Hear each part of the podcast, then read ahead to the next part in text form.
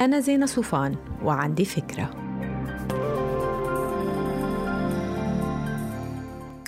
أكترية الناس الناجحين بيحكوا عن محطات مفصلية بحياتهم تطلبت قرارات شجاعة فيها قدر من المخاطرة. على فكرة المخاطرة مش بس إنه ننط من ارتفاعات عالية.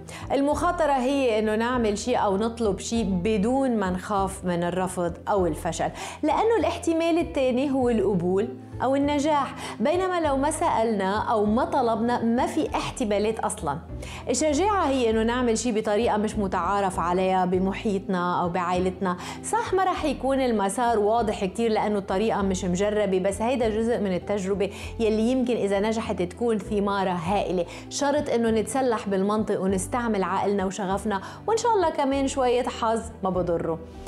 في أوقات بحياتنا بنكون تعسى وبنحس إنه بدنا نقلب الطاولة وبتجي فرصة بس بنخاف.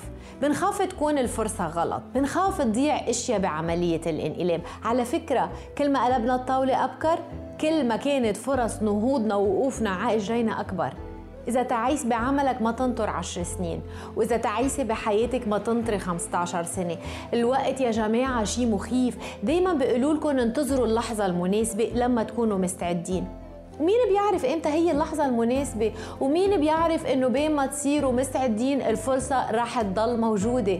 أنا رأيي لما فرصة تغيير تطل براسها هاي هي اللحظة المناسبة. please ما تضيعوها بالخوف وكثرة الحسابات. ما تنسوا تعملوا download للفكرة تعطوها rating وتساعدوني بنشرة. باي